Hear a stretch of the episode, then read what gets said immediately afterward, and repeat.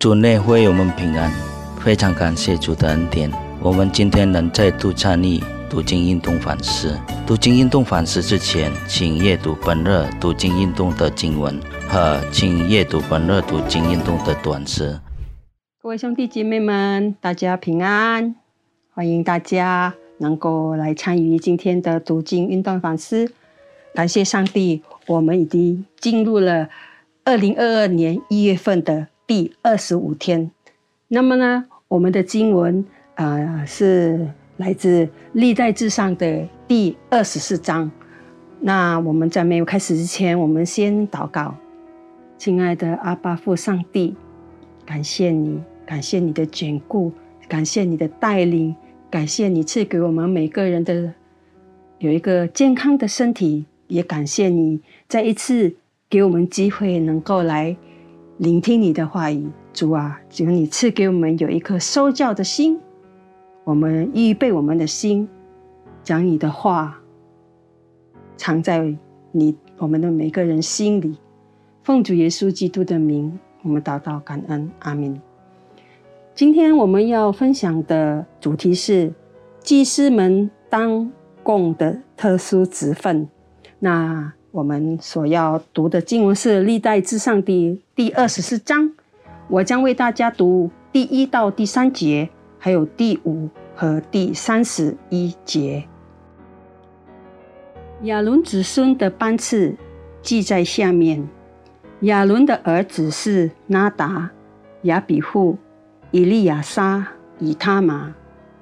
拿达、亚比户死在他父亲之先，没有留下儿子。故此，以利亚撒以他玛供祭司的子分。以利亚撒的子孙撒都和以他玛的子孙亚西米勒，同着大卫将他们的族弟兄分成班次，都自谦分立，彼此一样。在圣所和神面前做首领的有以利亚撒的子孙。也有以他玛的子孙，他们在大卫王和撒都、毕亚西米勒和以祭司立位人的族长们面前自谦，正如他们弟兄亚伦的子孙一般，各族的族长者与兄弟没有分别。兄弟姐妹们，任何一个教会。或组织要想办得好、顺利，都必须有一个好的安排。没有一个好的安排，经常会出现摩擦和混乱。今天在你的家庭、办公室、公司或是教会的状况是如何呢？一切都顺利吗？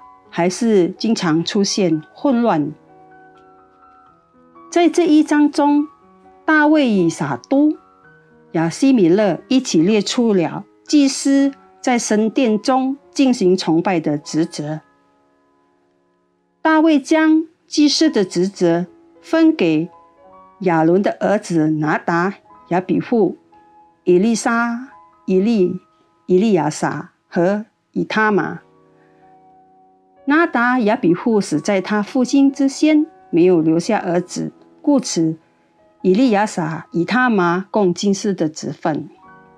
由于数量的不平均，从以利亚撒的子孙中有十六个族长，而以他玛的子孙中有八个族长，因此在分派职分时，必须以透明和公平的方式进行，不一不以一定的数量和。子孙来定夺，以致他们所承担的负担和责任是根据每一个小组的能量和能力。在以色列的传统传统中，通常以自谦来分立。大卫和撒都、亚西米勒，并祭司和利未人的族长。一同见证了这个支签的过程。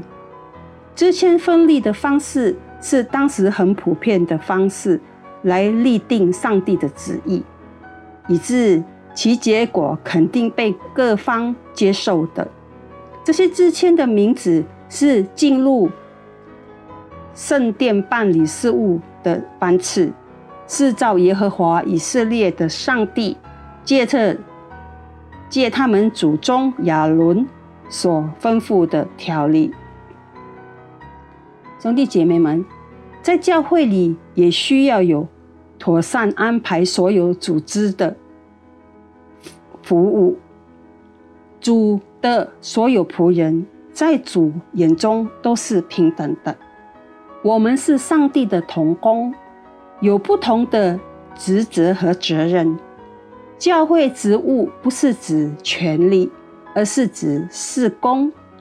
无论你在教会中的位置如何，上帝都希望你以爱心和责任来服侍，并以教会成员合作建立基督的身体。凡事都要规规矩矩的按着次数行，不要让人任何人觉得他们最有权决定教会的方向和政策。教会不是承任何权力的地方，正是在教会中，我们学会了服侍和谦卑。你教会的服务是否定期进行呢？你有没有以正确的心态来服侍上帝呢？我们低头祷告，主啊，感谢你今天的话语，再一次提醒我们要以用爱心还有责任心来服侍你教会的事工。主啊，如果今天我们将我们成为你的器皿，侍奉在你的教会。这一切都不是因为我们比别人好，我们比别人厉害，我们比别人聪明，我们比别人富有。可是这一切都是你的恩典，是你拣选我们，是你要使用我们成为你的器皿，来扩展你在这个世上的国度。主啊，请你希望我们，塑造我们，成为你的器皿。感谢主。感谢主对我们的慈爱，奉主耶稣基督的名，我们祷告感恩，阿门。